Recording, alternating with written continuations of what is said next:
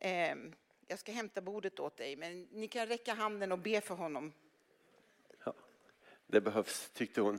Om för er som tycker att jag låter lite mer manlig än vad jag brukar göra så eh, har jag varit jag bäddade ner mig i onsdags i sängen för jag varit, blev förkyld. Så att, för er som är nya här tycker att det är bra att en pastor låter lite mörkt så kommer jag bli, göra er besviken om någon söndag.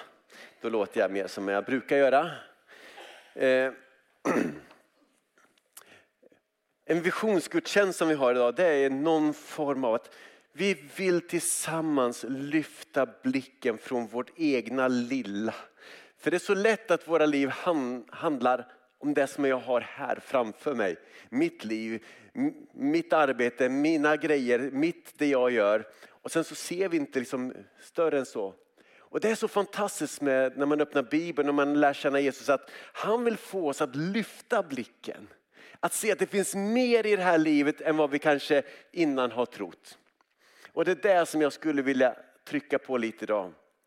I Johannes evangeliet ska vi läsa och har du en bibel med dig så slå gärna upp Johannes evangeliet kapitel 4 och har du en mobibel så kan du knappa in det också. Och där säger Jesus en sak rakt in i den här sammanhanget där han säger så här. Och Jesus säger, ni säger i vers 35, fyra månader till så blir det dags att skörda. Men jag säger er, lyft blicken och se hur fälten redan har vitnat till skörd. När Jesus säger det här, lyft blicken, så är det ett grekiskt ord som egentligen också används när man talar om att man ska lyfta sina händer eller sträcka upp sina händer. Så man skulle kunna översätta det här genom att säga att sträck upp era ögon och se. Stryk, sträck upp era ögon och se hur fälten redan vitnat i skörd. Alltså ha inte blicken här utan lyft den. Lyft blicken, sträck upp blicken och se att fälten har vitnat i skörd. Och så här, jag tänker att det här är så ofta det varit i mitt liv. Att jag lever mitt liv och sen så tänker jag okej okay, det är så här det är, det är så här det ska fungera och så här ska det bli. Och sen säger Jesper men hallå, du säger Niklas, men jag säger. Och så hjälper han mig att lyfta blicken. Och Det här blir ofta så även i vår relation med Gud att, att Gud vill tala in i våra liv. Han vill säga att lyft blicken. Se upp. Ha inte bara blicken på det som är här, på din lilla värld, utan lyft blicken och se. Och som alltid när man läser i Bibeln, och eh, där kommer vi tala om mycket på den här bibelskoledagen, att, att då är det viktigt att läsa en text i sin kontext. Alltså i vilket sammanhang står det här? Och de här orden som Jesus säger, de står i sammanhanget av när Jesus möter kvinnan vid Sykars brunn. Det är det sammanhanget som han säger de här orden och vi ska återkomma lite mer till det. Därför att Jesus står det, hade bestämt sig att lämna Judeen, alltså det vill säga trakten i söder i Israel, trakten kring Jerusalem. Och så har han bestämt sig för att bege sig ner till Galileen som då är upp i landet, upp norrut. Och så står det så här, att han måste ta vägen genom Samarien. Och det är ju någonting lite av ett mysterium varför han måste ta vägen genom Samarien. Men förmodligen är min tro att det var en helig ande som drev honom. Som knackade. Du, du ska gå den här vägen. Så han känner, ah, om den heliga ande säger det, då gör jag det. Och så står det så här. Där kom han till en stad som heter Sykar, inte långt från den mark som Jakob gav sin son Josef. Och där fanns Jakobs källa. Och Jesus som var trött efter vandringen, han satte sig ner vid källan. Och där lär, lämnar lärjungarna Jesus vid brunnen och sen sticker de in i staden för att köpa mat. Och eh, då står det så här, det var mitt på dagen och en samarisk kvinna kom för att hämta vatten. Och Jesus sa till henne, ge mig något att dricka. Och där inleds en konversation, ett samtal mellan Jesus och den samariska kvinnan. Och de börjar tala med varandra och de möter varandra där. Och det hela mynnar ut i att Kvinnan låter sin vattenkruka stå. Och så gick hon bort till staden och sa till allt folket där, kom så får ni se en man som har sagt mig allt som jag har gjort. Kan det vara Messias? Och så står det att de kom ut ur staden för att söka upp Jesus och många samarier kom från staden kom till tro på honom genom kvinnans ord när hon försäkrade att hon, han har sagt mig allt som jag har gjort. Och så står det då att lärjungarna sen kommer tillbaka. De har med sig mat, de har liksom eh, ICA-kassarna fulla med mat och de har liksom laddat upp här. Nu ska vi duka upp en måltid till Jesus här. Gött, han har suttit och väntat, han är säkert superhungrig. Så kommer han där och med matkassarna och så är inte Jesus hungrig längre.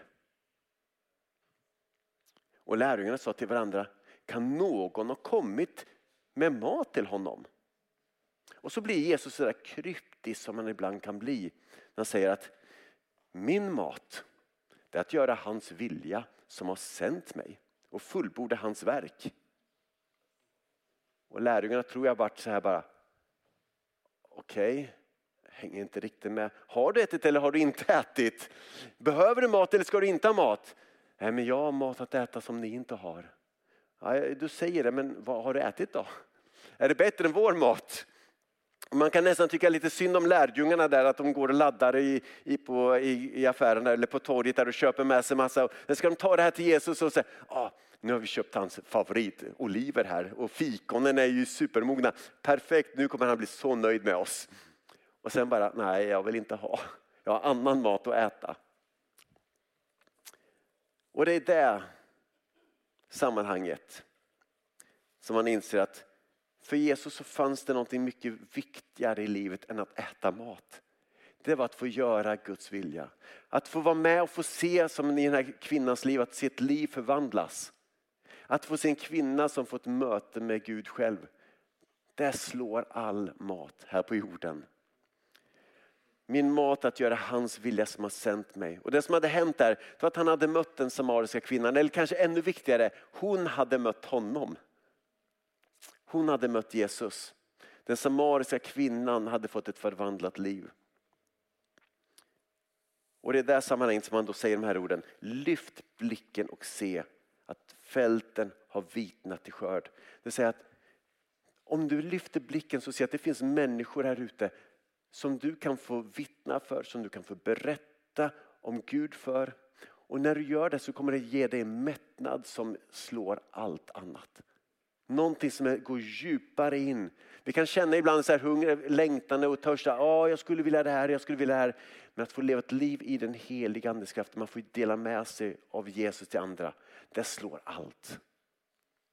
Så lyft blicken och se hur fälten redan mognar till skörd. Det finns så många människor i vår stad som behöver ett möte med Jesus precis som den kvinnan vid brunnen fick. Och utan Jesus säger vi, är man evigt förlorad. Utan Jesus går man miste om det eviga livet som Gud har förberett för människan. Förra året på en alfakonferens i, eh, i London så, så talar han som har gjort alfamaterialet som vi kör här i kyrkan, Nicky Gamble. Han talade och han presenterade en tioårsvision. Han, han liksom målade upp bilden av att var kan vi vara om tio år? Och han sa då så här att den 17 april år 2033 så firar vi 2000-årsdagen av Jesu uppståndelse. Och han berättade om en global rörelse från alla kristna samfund och kyrkor. Och målet är att man innan år 2033 ska ha ett nya testamente på alla språk. Och som det ser ut nu så kommer man faktiskt lyckas till 99,96 procent med den uppgiften. Och det innebär att vi faktiskt för första gången i mänsklighetens historia är, in, är en generation inom möjlighet att faktiskt få dela med oss av evangeliet till alla människor, till alla folk på jorden. Under 1900-talet gick det en väckelse över västvärlden som sen flyttade ner till Sydamerika, som tog sig över till Afrika och som nu är det som mest i Mellanöstern. De två snabbast växande kyrkorna i världen, de är i, Iran, där det inte är tillåtet ens att mötas, och i Kina. Det är de två största växande kyrkorna. I västvärlden där vi får träffas fritt utan förföljelse, där minskar kyrkorna. Märkligt nog. Men där det är som högst press, där förföljelsen, där martyrerna är som mest, där vittnar man om Jesus och får se människor komma till tro. Och jag tror att vi i Europa, i västvärlden och i Sverige behöver vakna upp att se att faktiskt fälten är mogna till skörd också här i Sverige. Det finns människor. Och jag är så glad för att efter pandemin, jag är inte glad för pandemin, men efter pandemin så, så har vi sett att fler människor hör av sig till oss som fått en längtan efter Jesus. På ett sätt som jag inte under mina 30 år som pastor har upplevt förut. Att människor säger, ja, men jag, har, jag har börjat söka Gud, jag har börjat läsa Bibeln. Och sen så hör man av sig för man, vill, man får kontakt, man vill få höra mer. Och det är så häftigt. Det är som att Gud säger, att, fattar du Niklas att fälten håller på att mogna till skörd? Du kanske säger att Sverige är stängt, det går inte. Men jag säger dig, vittna, berätta om mig. Nicky Gamble han sa fyra saker i sitt visionstal som jag faktiskt har snott för jag tycker de var så fruktansvärt bra. Han säger så att om vi ska lyckas med att nå ut med evangeliet till alla folk och då innebär det även Malmö så måste vi göra det för det första genom en ovillkorlig kärlek. En ovillkorlig kärlek. Det finns mycket i den här berättelsen om den samariska kvinnan som sticker ut. Och en grej det är den att Jesus överhuvudtaget talar med henne. Det sticker ut. När eh, Johannes skrev ner de här orden, de här orden började spridas så var det många som sa att det där kan inte vara sant. För en judisk man och skriftlärd som Jesus var, man fick inte ens hälsa på en kvinna på gatan. Du fick inte ens liksom, hej hej. Därför det, det, det kunde uppfattas fel och då gjorde man sig själv oren. Att tala med samarier, vare sig det var en man eller kvinna, det gjorde inte heller en jude. För de var halvfolk, de var halvhedningar. Man såg ner på dem. För de hade, de, samarierna de tillhörde folket som innan kallades för Israel i Nordriket, som sen fördes bort till Syrien och sen fick komma tillbaka, blandades upp med lite andra tro, lite andra liksom människor som var ett blandfolk som man såg ner på. De var inga riktiga gudsfolk, det var ett halvfolk och man såg ner på dem och man ville inte prata med dem. Så att Jesus talar med en samarisk kvinna, det var obegripligt. Och mer än så. Hon ansågs vara, som kvinna vara värd hälften av en man. Hon var moraliskt oren, hon var utanför samhället. Dessutom så får vi förstå av texten att hon levde ett liv som inte var bra.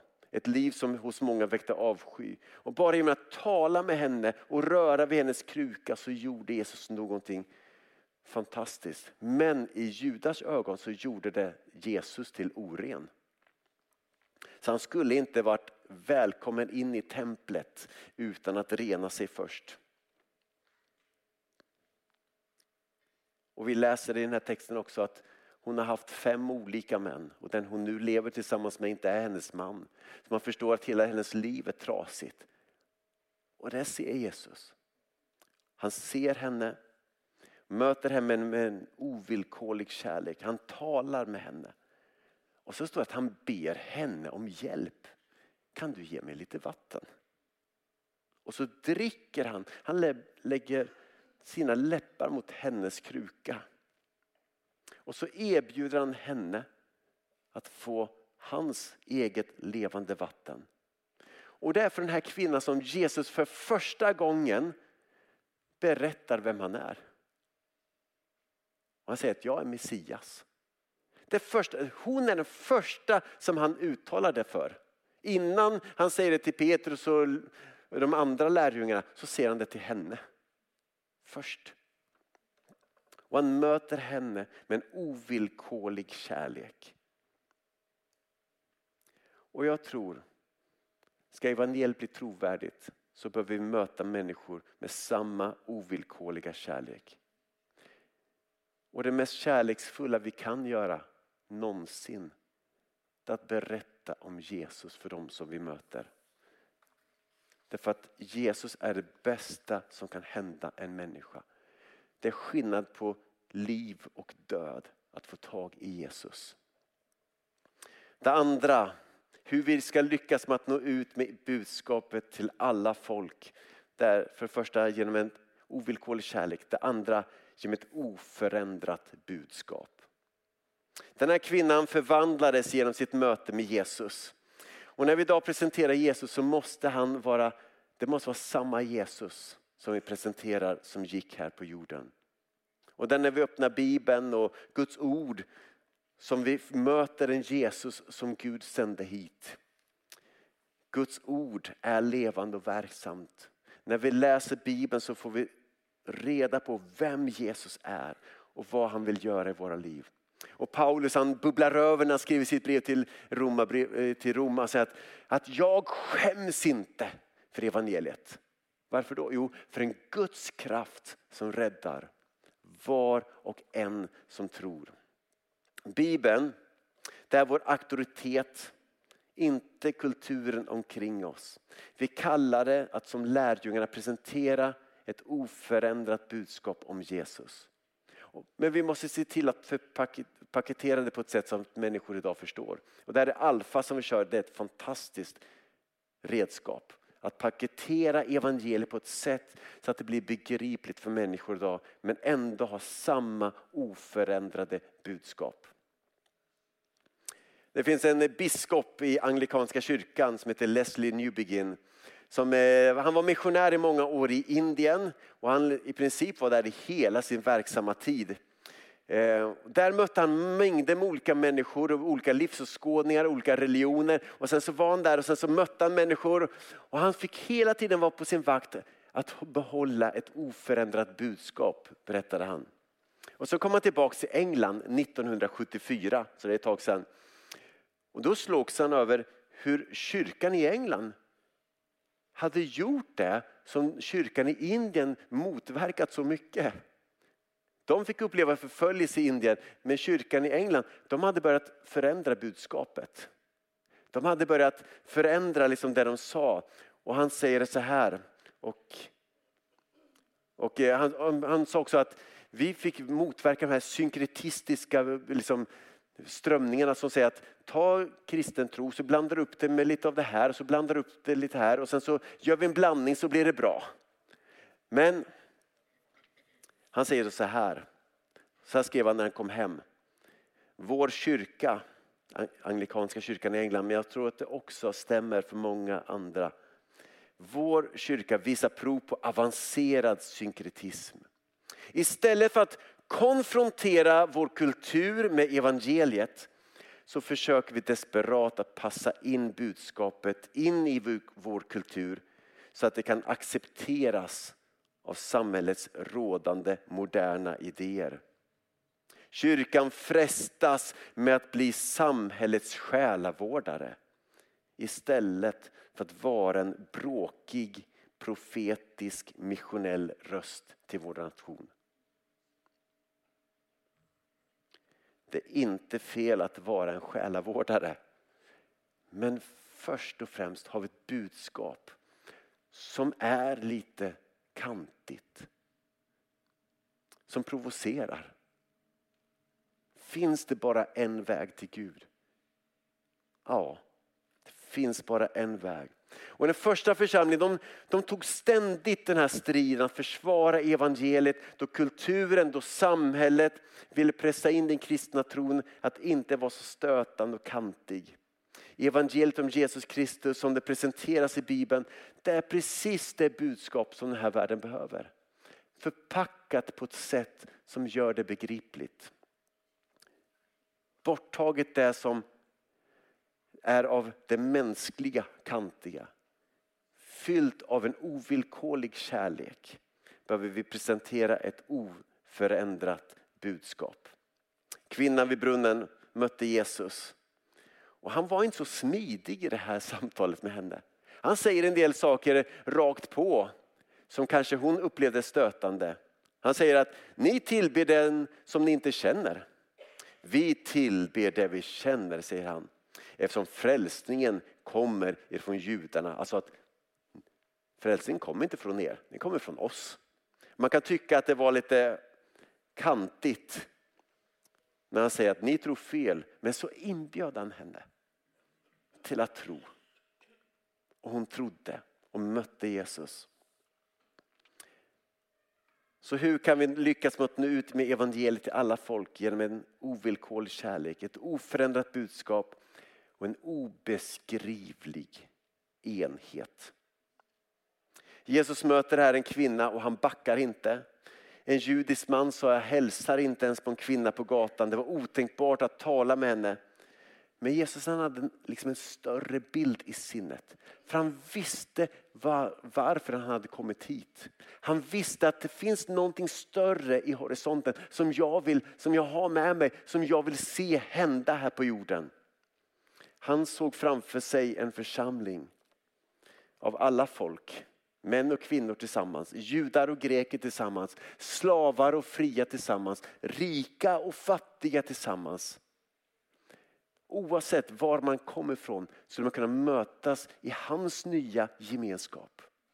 Och där känna att jag har en plats här. Även om jag inte är som han, även om jag inte är som henne, även om jag... Så fanns det plats för alla. En ovillkorlig kärlek med ett oförändrat budskap som ger en obeskrivlig enhet. Och det var någonting av det starkaste. När historiker beskriver den första församlingen så är det här någonting av det mest liksom, dramatiska. Att det fanns en gemenskap av höga, låga, rika, fattiga, män, kvinnor, slavar, fria, greker och judar tillsammans. Och de ärade och tillbad en och samma Gud.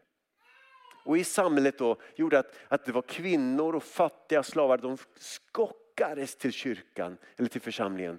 För där fick jag höra att jag är älskad för den jag är. Här är jag värdefull. Här får jag höra att Gud älskar mig lika mycket som han älskar andra. En kärlek som var ovillkorlig. Ett oförändrat budskap och en omotståndlig enhet. Och Jesus han ber lite senare i Johannes evangeliet för sina lärjungar och säger att jag ber att de ska bli ett. Liksom du fader är i mig och jag i dig. Och så ska de vara i oss. Då ska världen tro att du har sänt mig. Den härlighet som du har gett mig har jag gett till dem. För att de ska bli ett och för att liksom vi är ett. Jag i dem och du i mig. De ska fullkomnas och bli ett. Då, säger han, efter allt det här, jag i dem och de i dig och allt det här, att, så säger han, då ska världen förstå att du har sänt mig. Och jag tänker att det är något fantastiskt. Vi hörde lite olika vittnesbörd här. Men vi skulle kunna radda upp en mycket längre. Vi kommer inse att tänk så olika vi är. En del kommer hit och känner att man är jag har ingen kraft kvar. Och andra kommer hit och bara, åh jag är så laddad. En del kommer och bara, åh, jag vet knappt om jag tror. Andra kommer, jag tror för att flytta berg idag. En del kommer hit och känner sig ledsna, bär på sorg. Andra kommer hit och är glada. Och så får vi vara en gemenskap tillsammans. Vi hade för några år sedan besök av några studenter från Lund och eh, de gjorde något arbete och efteråt så satt, träffade jag dem vid fikabordet och då sa de så här att alltså det är ju märkligt det här. Här finns ju både gamla och unga. Både barn och, och mormor. Och så finns det människor från massa olika kulturer. Hur gör ni det här? Hur har ni lyckats med det här? Ja, det är Jesus som har lyckats med det. Därför att när Jesus gör det här i oss, då ser vi på varandra med andra ögon. En oemotståndlig, en obeskrivlig enhet. Och Jesus han kom för att sudda ut de här skillnaderna, sociala skillnader, orättvisor, förtryck och uppdelningar. Och församlingen skulle vara en plats där alla människor kunde få en chans att möta en obeskrivlig enhet då de konfronterades med ett oförändrat budskap och drabbades av en ovillkorlig kärlek. Och slutligen, hur kan vi då bli en församling? Hur kan vi bli en kyrka, en kristenhet som når ut med budskapet till alla folk? Jo, genom en obegränsad kraft. Då Jesus skulle sända ut sina lärjungar så sa han att ni ska få kraft när den helige ande kommer över er och ni ska vittna om mig i Jerusalem, Judeen, Samarien och ända till jordens yttersta gräns. Och det är enastående att Jesus i det här samtalet med den samariska kvinnan erbjuder henne levande vatten. Som vi senare i Johannes evangeliet får reda på att det är den helige ande. Han säger om du vill så kan du få ta emot helig ande. Du kan få det. Då kommer det bli en källa i dig som, som släcker din djupaste törst. Och där, som pastor i 30, snart 30 år, eller drygt 30 år, så inser jag att jag har mött så många som tror på Jesus men som inte har druckit av hans levande vatten. Man tror, och jag tror att det är sant och jag tror att det är riktigt och jag, ja men det här är bra, det här är sunt och det här är... Men som inte har satt sig och tagit emot av Guds helige ande. Blivit fylld av anden. Låtit hans ande få fylla, bli en källa av levande vatten som bara rinner över. En källa som mättar, som släcker törst som inget annat. Och jag tror att församlingen måste få vara en plats dit människor kan komma och få dricka av den heliga andes vatten.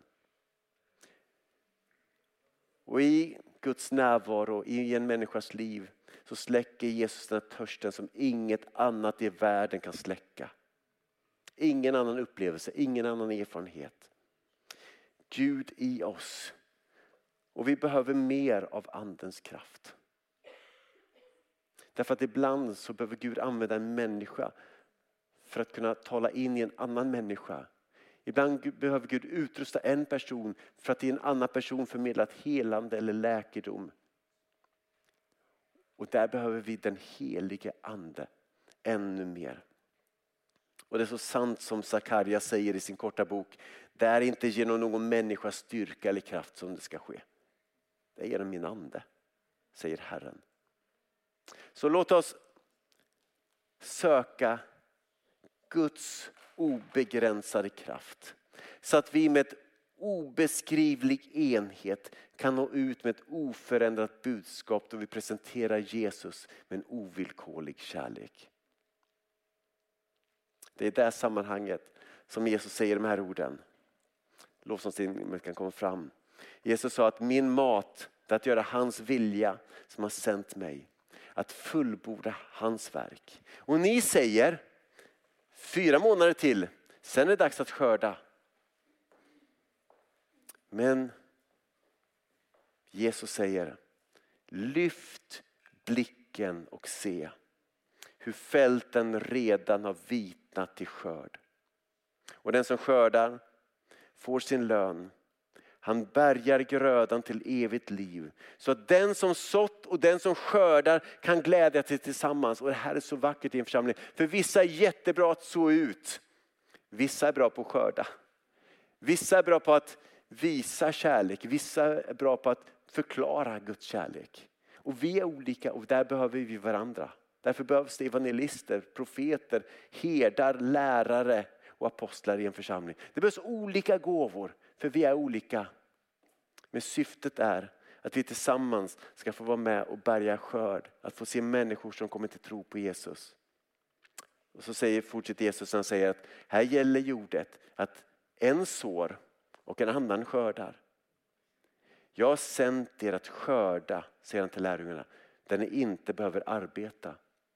Och jag har den sista tiden slagits över det så ofta att helt plötsligt så sänder Gud människor till oss som andra har sått in i. Och helt plötsligt kommer det säga, hej, kan ni berätta om Jesus? Jag vill tro på honom. Ja, absolut kan vi göra det. Och någon annan har sått in i deras liv redan innan. Och att få vara med om det, det är fantastiskt. Samtidigt som vi här sår in i människors liv som andra kommer få vara med och skörda. Vi har fått så in i Madeleine, var sitter du? Där. Och hon har fått sått in i oss.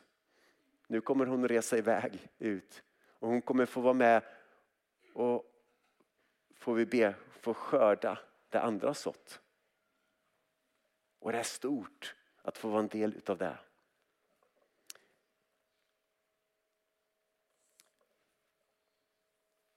Så Herre, tack för ett, den ovillkorliga kärlek som du har till oss människor. Herre, vi vill vara en församling med samma ovillkorliga kärlek. Där vi älskar alla människor oavsett hur väl de har lyckats i livet, hur, hur rika, hur fattiga de är, vart de än kommer ifrån, vilket land de än kommer ifrån. Gud hjälp oss att ha en kärlek som sträcker sig längre. En ovillkorlig kärlek. Och hjälp oss att ha ett oförändrat budskap.